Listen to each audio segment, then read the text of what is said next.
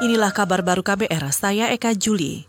Kementerian Keuangan memperkirakan pemulihan ekonomi Indonesia belum bisa maksimal pada semester pertama tahun depan. Menteri Keuangan Sri Mulyani mengatakan kondisi ekonomi masih diwarnai ketidakpastian secara global akibat pandemi COVID-19.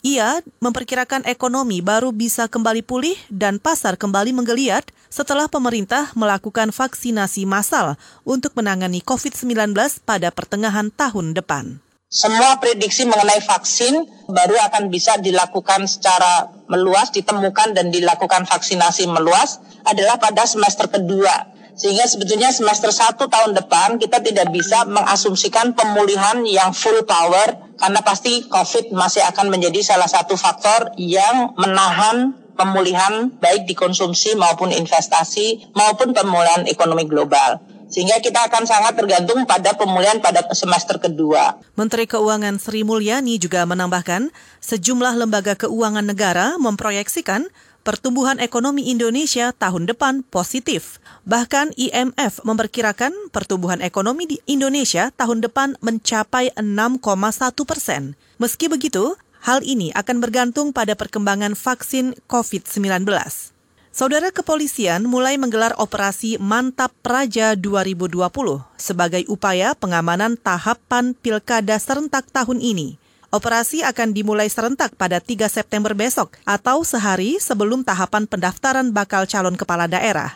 Juru bicara Mabes Polri Awi Setiono mengatakan seluruh lapisan polisi dari Polda hingga Polres sudah menyiapkan diri untuk proses pengamanan. Aparat kepolisian juga telah melakukan latihan pra-operasi mulai hari ini. Seluruh perkuatan yang dilibatkan dalam tiap tahapan disesuaikan dengan tingkat kerawanan dan kebutuhan dari masing-masing wilayah, serta menghindari sikap underestimate dalam menghadapi kerawanan.